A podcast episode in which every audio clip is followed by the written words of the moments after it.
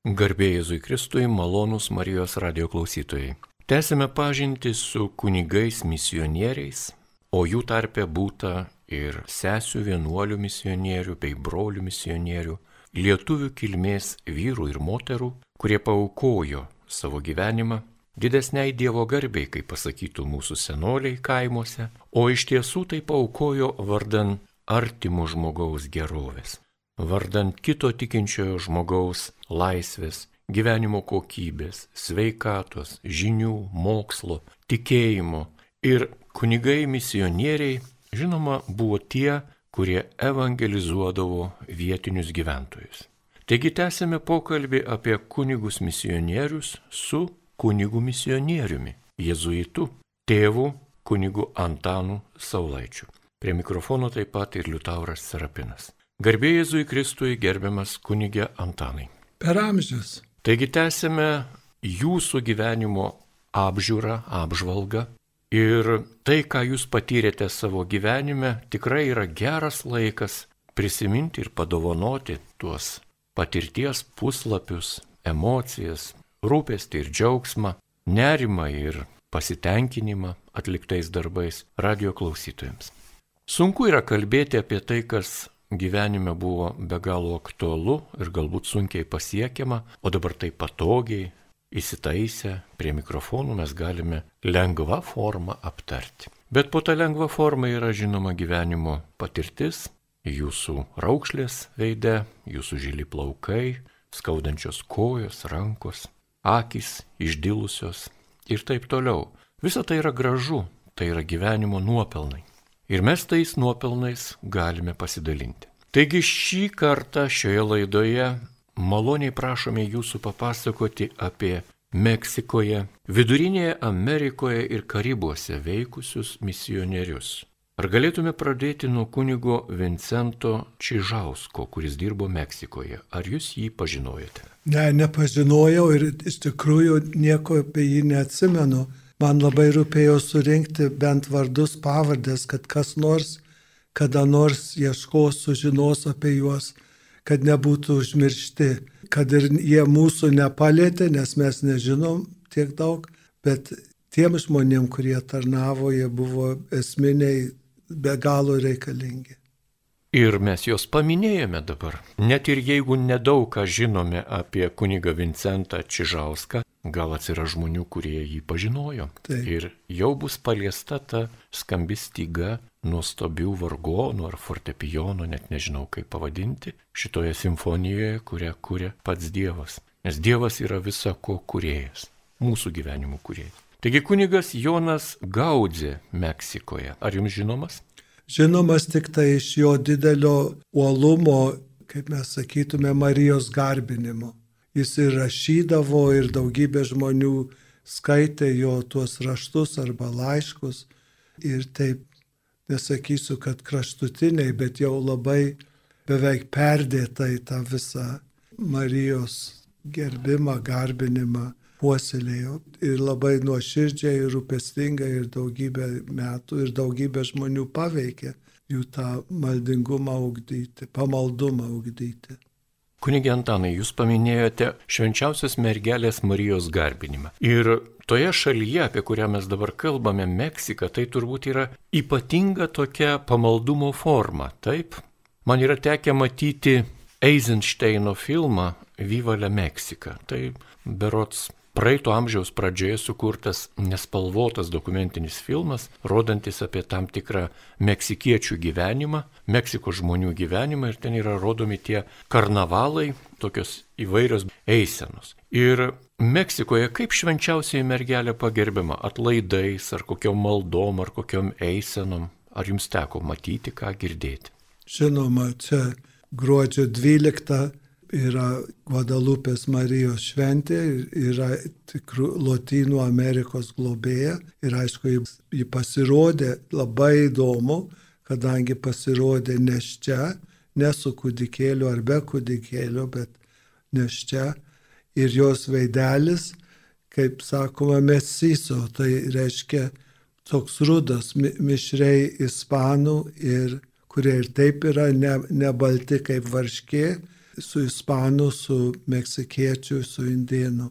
Tai tuo labiau jiem brangi ir, ir tas visas pasakojimas apie Juan Diego susitikimo su Marija ir kaip viskupa įtikino, kad ten reikia sakyti bažnyčią. O aš tik vieną dieną esu buvęs Meksikoje, kadangi buvau Lietuvoje gimęs, nors ir Amerikos pilietis, negalėjai palikti daugiau negu vieną naktį Meksikoje. Labai įdomi tvarka.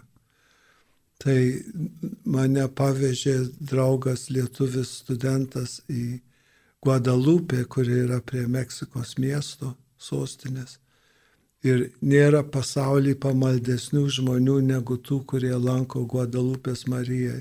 Sokie indienai, įvairių rūšių indienai, meksikiečiai. Ir tas pamaldumas yra, nežinau, aš nemoku tų visų būdvardžių apibūdinti, yra taip šventa, kad tiesiog gali nieko nesimelsdamas užsidegti ten būdamas. Ir yra nepaprastai. Ir žinoma, kaip kadangi jie yra gyvi žmonės, mes tokie gal šalto klimato, tai taip biški kitaip. O pas juos reikia būtinai judėti, šokti, gėdoti, dainuoti, išsipuošti spalvingai, su visokiais šūkiais, instrumentais, būgneliais. Viskas turi būti vaizdžiai, gyvai. Tai tos visos procesijos eisenos visoje Latino Amerikoje yra be galo svarbios. Mums svarbios procesijos eisenos, bet tenai dar labiau ir jos daug margesnės yra negu mūsų. Turbūt ir šioje laidoje minimas kunigas Jonas Gaudzi Meksikoje, na ir neturėjo turbūt kito ir kelio, jisai natūraliai buvo privestas prie maldų į švenčiausiąją mergelę Mariją kaip užtarėją ir kaip liaudėje labai karštą pamaldumą turinčią Dievo motiną. Taip, tikriausia. Dar vienas kunigas iš Meksikos, tai kunigas Juozas Kisėlius. Ar jūs teko jį pažinti? Man atrodo, salezietis, ar ne? Būtent taip. Taip. Ne, neteko pažinti. Man tik labai rūpėjo, kad jis būtų įtrauktas į sąrašą. Ir mes galime apie jį skaityti knygoje, kurią išleido Lietuvos saleziečiai, netaip seniai prieš keletą metų apie saleziečius misionierius. Tuo metu keliaujame prie dar vieno iškilaus misionierių, tai kunigas Juozas Norkaitis, Meksikoje dirbęs. Tas pats, ne, negaliu smulkiau papasakoti, tik tai rūpėjo įrašyti. O kunigas Antanas Trimakas Meksikoje? Tai jis buvo labai žinomas, nes ilgai gyveno, ilgas gyvenimas ir labai toks konservatyvus buvo. Tai dalyvaudavo kartais tokie susirašinėjimo diskusijose vis labiau į tą atsargesnę, konservatyviškesnę pusę. Ir buvo taip pat didelis Dievo motinos Marijos mylėtojas. Gal ne tiek daug, kiek gaudzė, bet beveik. Ir labai pamaldus toj pusėje. Ir kas nors kitas galėtų daug geriau apibūdinti, kas pažinojo arba jo raštus, laiškus yra skaitęs ar apie jį kur nors skaitęs. Jūs paminėjote terminą konservatyvus kunigas. Ar tai suprantame kaip kunigai, kurie buvo uolus iki antrojo Vatikano susirinkimų, turėjo tam tikrą programą, kaip švesti mišes, kaip evangelizuoti, kaip dirbti su parapijom, ar turite omeny ką kitą? Ne, kaip tik, kad, kad antras Vatikanas 62-65 metais juos išgazdino, kad bažnyčia keičiasi, kad bažnyčia yra gyvas kūnas, o ne kažkokia mumija arba mūrai, kurie niekada ne, nepasikeičia kad yra gyvas kūnas, kuris tiki viešpatį visokiais laikais ir visose vietose. Tai jie labai atsargiai su bet kokiais pakeitimais. Bet negalime jų smerkti. Galbūt tai buvo tiesiog būta ir žmogaus charakterio tokio. Atsargumas, ištikimybė idealams, mokymui. Taip, žinoma. Žinoma, yra buvę, aš atsimenu, kaip Afrikoje jie žmonės guldė galvą už bažnyčią, kurią kuri kalbėjo pamaldos visos lotyniškai, staiga pakeitė kalbą ir jiem jau nebėra ta pati bažnyčia, už kurią jie dėjo, liejo savo kraują. Tai yra ne tik kažkokios, nežinau, protavimo dalykas, bet labai gilus jausmų klausimas. nesinori dar grįžti prie pagrindinės temos ir truputį pratesti šią šalutinę temą. Manau, klausytojas tikrai neįsižeis, jeigu išgirs iš jūsų gerbiamas kunigė Antanai vieną kitą išvalgą.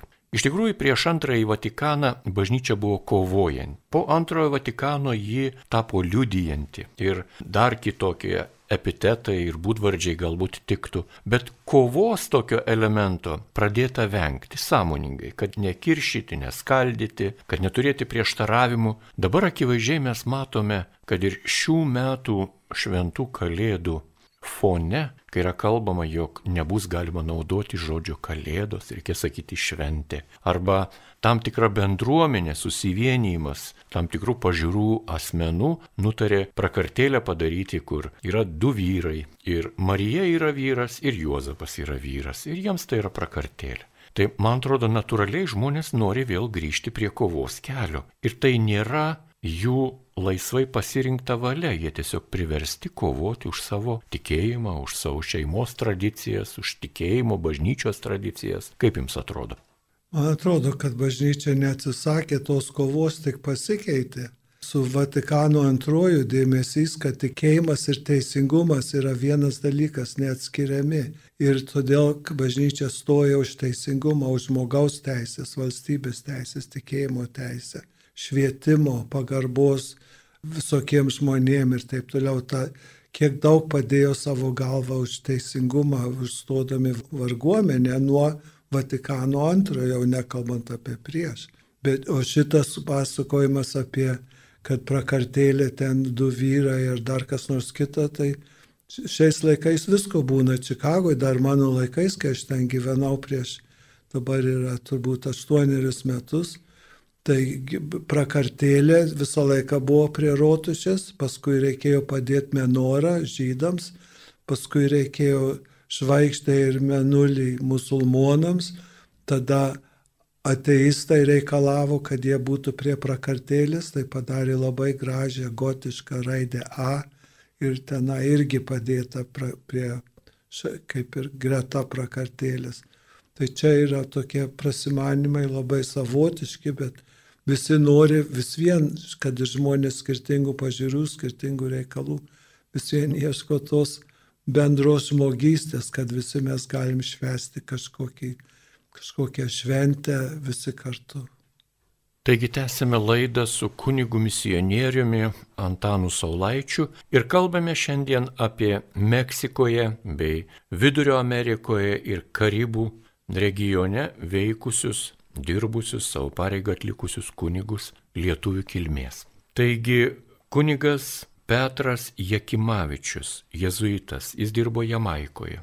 Taip, ir jis labai linksmas žmogus, kilęs iš Bostono, iš pietų Bostono, aišku, lietuvių parapijų užaugo. Jo brolis irgi buvo kunigas. Ir jie mokytojavo Jamaiką, daugiausiai yra Afrikos vergų palikonys, tai ir Švento Jurgio mokykloje. Ir jis taip pat, kadangi lietuviškai kalb, kalbėjo ir rašė, tai dar prieš tai, kai vyko į Jamaiką arba grįžęs, jis e, redagavo arba dirbo su, kai Lietuva buvo užimta, tai nebegalėjo jezuitai Lietuvoje aišku leisti žurnalo žvaigždė, kuri buvo Jėzaus širdies žurnalas. Kiekviena šalis turėdavo savo Jėzaus širdies pamaldumo žurnalą. Tai tada Amerikos lietuviai, jezuitai, du buvo čia Lietuvoje prieš karą, būdami studentai dar. Jie toliau tęsė tą iki 50 metų, nuo 40 iki 50. Tai Jekimavičius ir prie to prisidėjo, vien tik lietuviams išeiviams jungtinėse, Kanadoje, kitose šalyse, kurie skaitė lietuvišką spaudą. O paskui Jamaikoje jis dirbo mokykloje ir bet daugiausia parapijoje ir buvo labai mėgstamas žmonių, kadangi linksmų plaučių. Tai kaip geras toks laisvas lietuvis. Nežinau, ką dar taip ant greitųjų prisiminti apie jį. Aš vieną kartą pakeliui skrisdamas pas jį sustojau. Kadangi jis buvo iš Bostono, iš Naujosios Anglijos, o aš tenai studijavau, tai labai patogu buvo ne tik su juo, bet su kitais, kuriuos pažinojau amerikiečius jėzuitus tenai sutikti ir, iš arčiau pamatyti. Buvo labai įdomu mokykloje, nes mokiniai savo tarpę kalba liaudiškai angliškai, o klasiai mokykloje kalbas jau oficialia anglų kalba.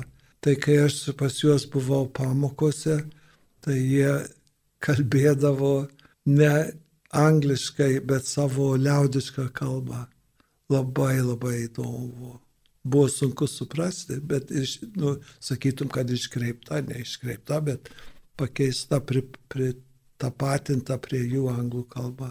Ir žinoma, mokiniai yra mokiniai, jie irgi visokių dalykų sugalvoja. Buvo e, nepaprastai gera misija, graži misija. Dabar aišku, ir, ir visada yra kitų vienuolijų, kurios tenai dirba. Yra vienas iš tų jezuitų, kuris kaip tik Jamaikoje kilęs, įsteigė vienuolyją, kurie yra vargdienių misionieriai, missionaries of the poor. Aš jį pažinojau, mes kartu mokėmės. Ir dabar lietuviai Čikagoje, Lemonte kartais paremia šituos misionierius. Tai toks, galim sakyti, ratas, dar kai aš dirbau Lemonte, būdavo, kad lietuviai, kurie savanoriauja Jamaikoje, palaiko žmonių su negale namus, ypač vyresnio amžiaus žmonių su negale namus ir tokia tarnystė jaunesniems su negale. Tai kaip tik toj pačioj Jamaikoje, toj pačioj misijoje, kur dirbo Jakimavičius. Dar gal keletą žodžių apie pačią misiją. Lietuvoje tai nėra įprastas terminas ir mes turbūt Lietuvoje misijų neturime, o gal ir turime šiuo laiku. Bet daugelis klausytojų gali paklausti, o kaip suprasti tą misiją? Tai yra vienuolynas, ar tai yra parapija, A, ar kokie taip, namai? Taip, taip. Mes sakom, kad kiekvienas krikštytas žmogus turi misiją, turi uždavinį. Tai čia yra vienas dalykas. O kai taip kalbam apie parapiją, viskupiją, mokyklą, nežinau, kokį institutą, vienuolyną, tai misija yra tokia vieta, kur yra, gali būti bažnyčia, gali būti mokykla, prieglauda, dar kažkokia įstaiga kokia nors, kur yra patarnaujama arba bendraujama, dirbama su kokiais, nu, su, su mokiniais, su žmonėms su negale, ligonėmis, su bendra publika, su kaliniais, su dar kažką. Tokia stotis, misijų stotis. Apie minėtą misiją, kurioje dirbo kunigas Pranas Jekimavičius. Ar ji buvo didelė, kiek e, vienijo žmonių, sakykime, tūkstančiais ar šimtais? Aš manau, kad šimtais gal, bet ten dirbo daugiau žmonių, nei jis vienas, buvo daugiau jezuitų ir pasauliečių savanorių atvykdavo gimnazijoje, Šventų Jurgio gimnazijoje dirbti, kiti, vienas jezuitas net buvo vyskupas, ne tos vyskupijos, bet kitos Jamaikos vyskupijos. Tai naujosios Anglijos jezuitai, nežinau kiek šimtų metų ten dirbo ir tebe dirba.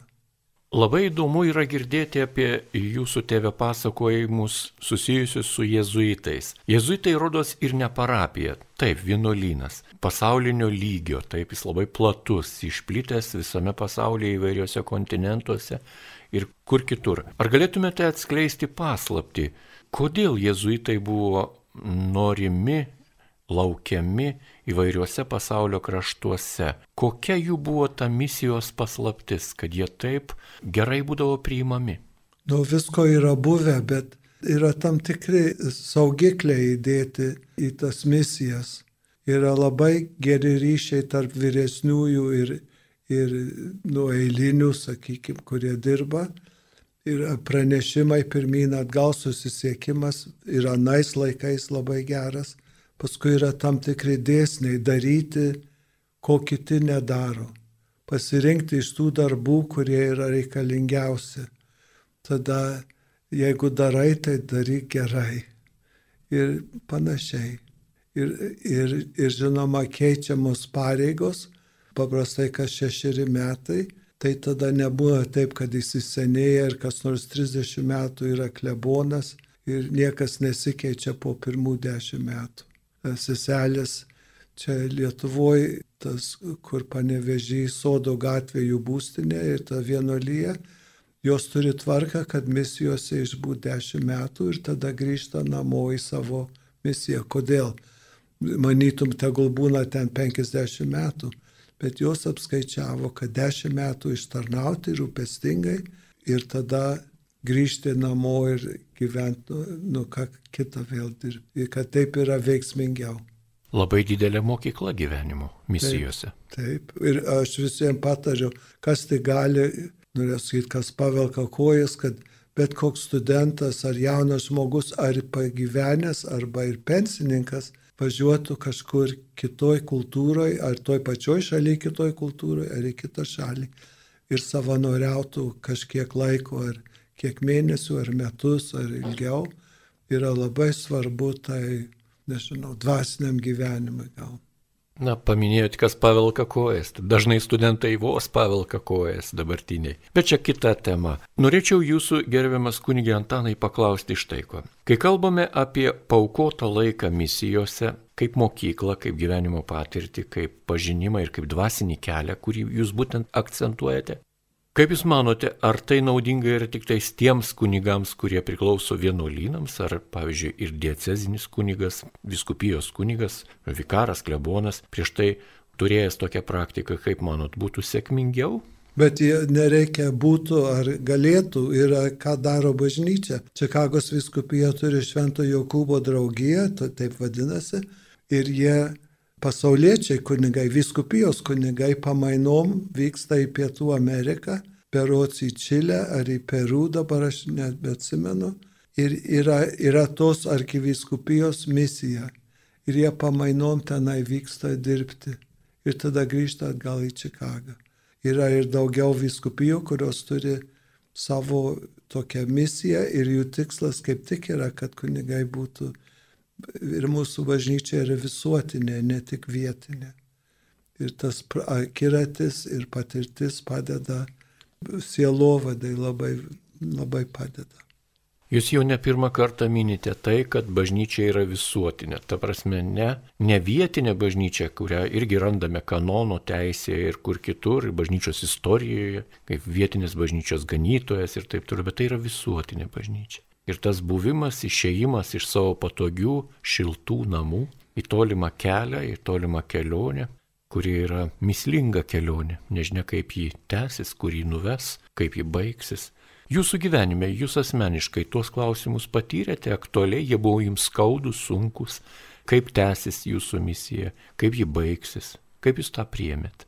Nežinau, gyveni ir mokaisi, kaip žmonės sako ir visokius dalykus išgyveni ir, ir žiūri pagrindinio tikslo, kuris yra padėti žmonėm, ypač tiem, kurie silpnesni ar pagalbos reikalingi ar apleisti, kas bebūtų ten ir kur pagal savo sugebėjimus, savo įgūdžius, patirtį gali pa, geriau padėti. Tai čia nėra nieko stebuklingo, yra eilinis žmogaus gyvenimas. Neeilinis žmogaus gyvenimas. Tęsime laidą.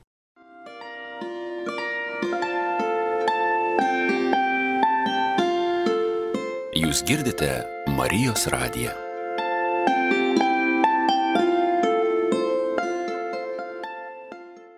Taigi šiandien prie mikrofono eilinis misionierius tėvas kunigas Antanas Saulaitis. Žodis eilinis tai reikia turbūt suprasti plačiau negu kad eilinis, kurį galima kažkur nugrūst, pastumt, taip toliau, nesiskaityti, duoti juodą darbą, patį sunkiausią, nevertingiausią ir taip toliau.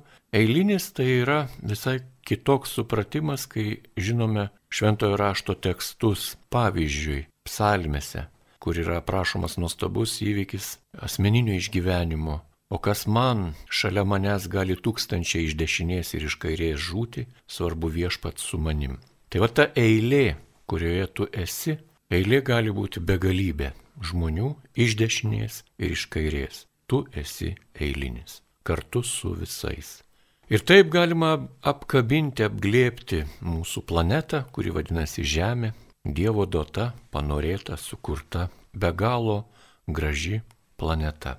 Tęsime pokalbį apie misionierius, kurie dirbo Meksikoje, Vidurio Amerikoje ir Karibuose. Taigi dar vienas kunigas iš Puerto Riko, kunigas Ignacas Kinhus. Jums teko apie jį girdėti? Ne, aš tik suradau jo pavardę kokiuose raštuose.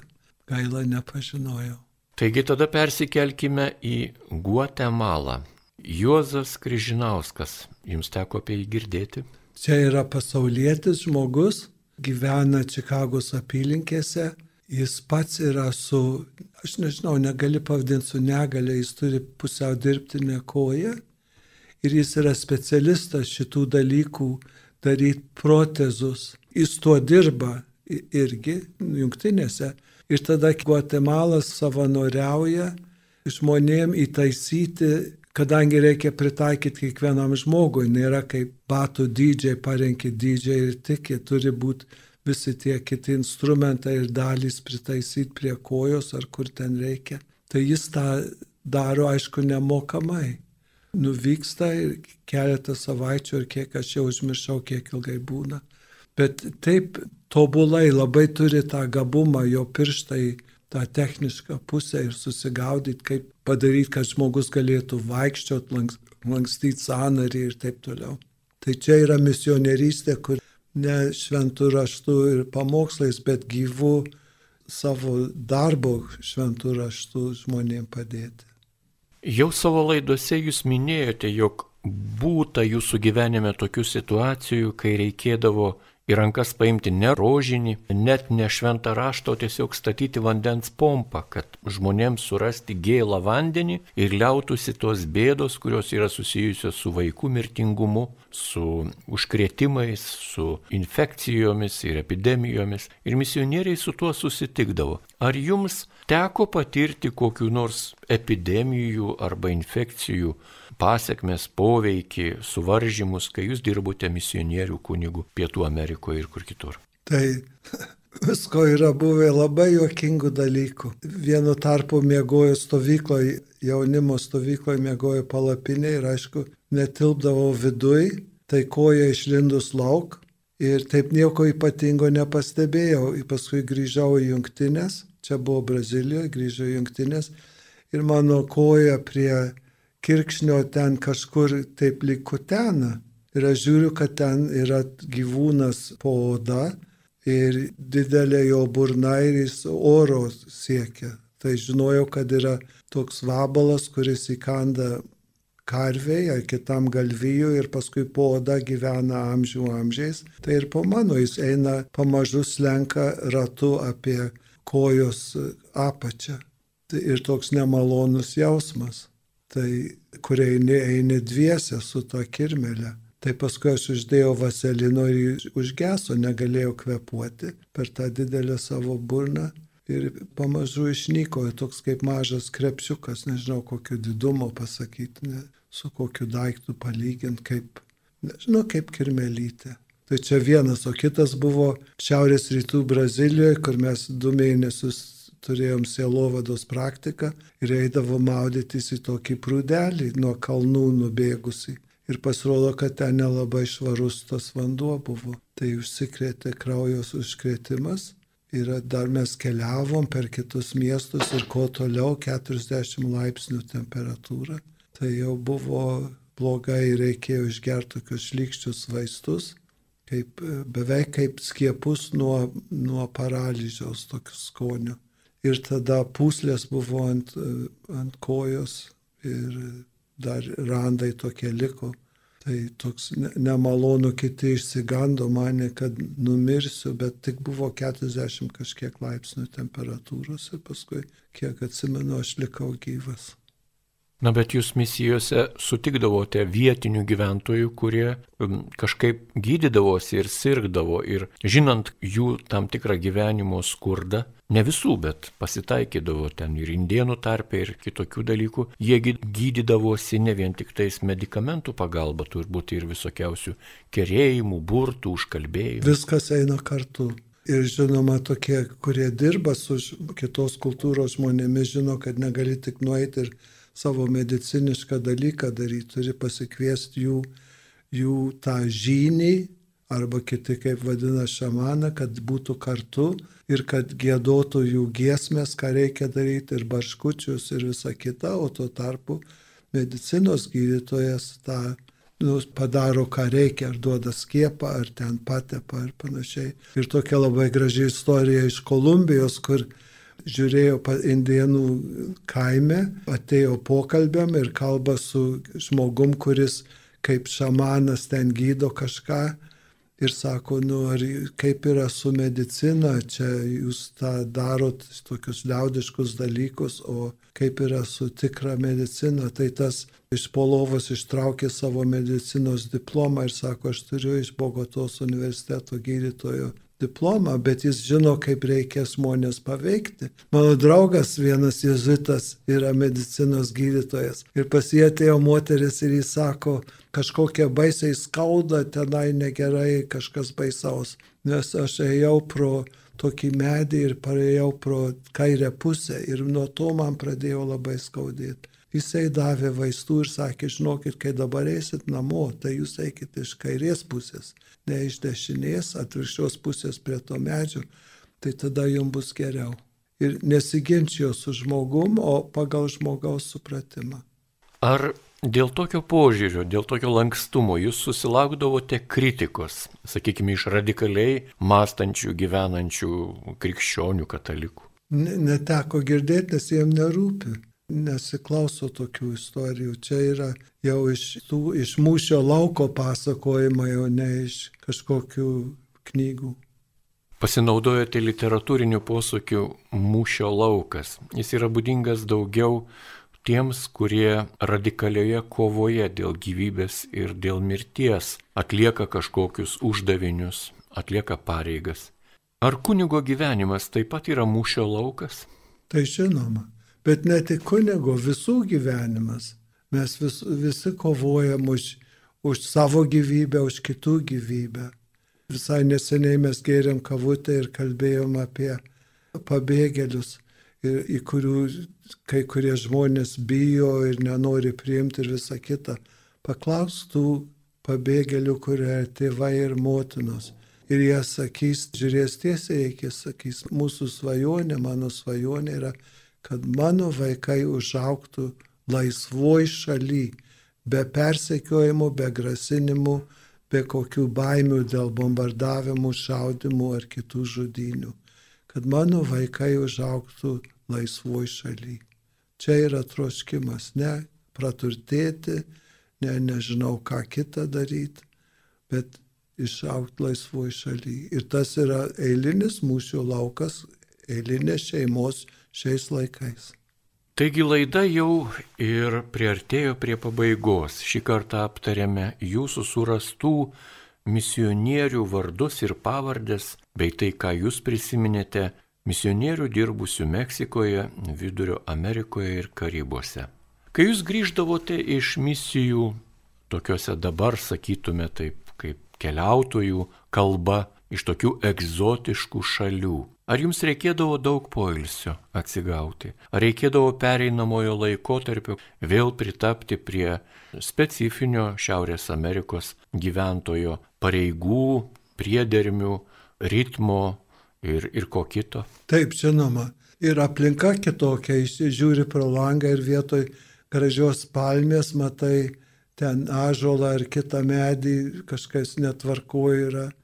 Ir gyvūnai kitokie yra pažiūri į šaldytuvą, keisti valgiai yra, ne, nepadorus valgys kaip ten, visokie tropiniai vaisiai, nėra tokio turgaus, kur nueini ir su kiekvienu gali ginčytis dėl kainos dėrėtis.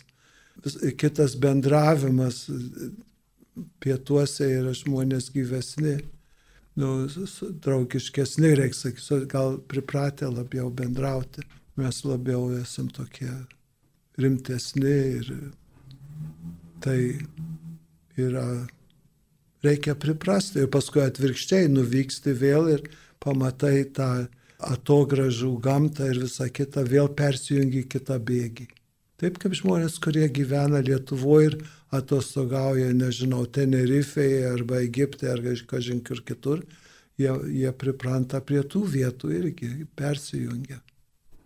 Jums žinoma svarbiausia buvo ne kalnų grožis, ne upelių skaidrumas, ne augalų žaluma, o žmonės. Taip, turbūt dėl žmonių. Dėl žmonių atlikote savo misionierišką pašaukimą, kaip dabar galima būtų sakyti, nes iš tikrųjų daug metų tam skyrėte ir tiesiogiai, ir perkeltinė žodžio prasme, kai padėdavote savo draugams, bičiuliams, misionieriams, būdamas savo namuose, savo parapijoje, visapusiškai. Ir jau pasakojate labai keistus pagalbos būdus, kaip ir, sakykime, pašto ženklų nuo vokų ten nuklyjavimą ir siuntimą į Berots Indiją, taip? Taip. Ir kitus dalykus. Stebina jūsų, tėve Antanai, tam tikras toks labai keistas, net pasakyčiau, neįprastas laipsniavimas. Žinot, mes esam pripratę, kad yra svarbus dalykai, svarbesni, dar svarbesni ir patys svarbiausi. Taip pat yra šventi dalykai, mažiau šventi dalykai ir patys švenčiausi. Yra artimas žmogus, tolimas žmogus, ai, nepažįstamas žmogus. Jums kažkaip šitie dalykai visi labai labai, labai artimi, labai šventi, labai nepaprasti ir taip toliau. Kodėl jūs toks esate, kodėl jūs taip pasaulį matote? Aš, aš to visko nežinau, aš tik žinau, kad kiekvieno žmogaus gyvenimas yra vertingas, kiekvienas žmogus turi savo pasaulį, jausmus, patirtis, svajonės ir visa kita kurias vien mes stengiamės gerbti save ir aišku kitus, tai labai svarbu palaikyti kiekvieną žmogų, koks jis ar jie būtų, jaunas, senas ar koks kitas. Palaikyti vieni kitus, mes esam Dievo šeimynos visi nariai. Atleiskite už labai tiesmuką klausimą. Ar jūs taip galvojate ir būdamas jaunas, kaip dabar va, kalbate? Aš spėjau, kad taip.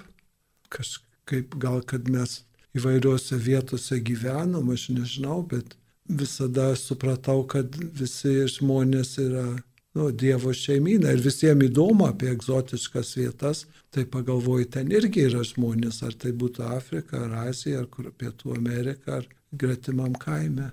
Visi yra Dievo vaikai.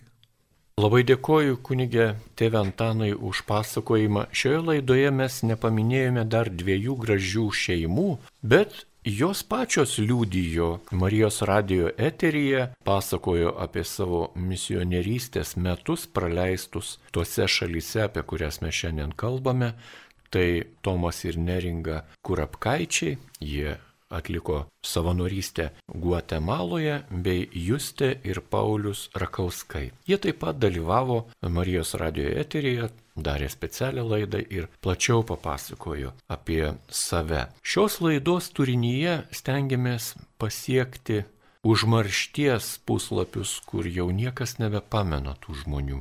Ir su džiaugsmu dar kartą perskaitysiu tas pavardės ir vardus kunigų, kurie šioje laidoje buvo paminėti. Tai kunigas Vincentas Čižikauskas, dirbęs Meksikoje, kunigas Jonas Gaudzė, taip pat Meksikoje, kunigas Pranas Jakimavičius, jezuitas, dirbęs Jamaikoje, kunigas Ignacas Kinchus, Puerto Riko, kunigas Juozas Kisėlius, Salezietis, Meksikoje, kunigas Juozas Norkaitis, Meksikoje, kunigas Antanas Trimakas, Meksikoje.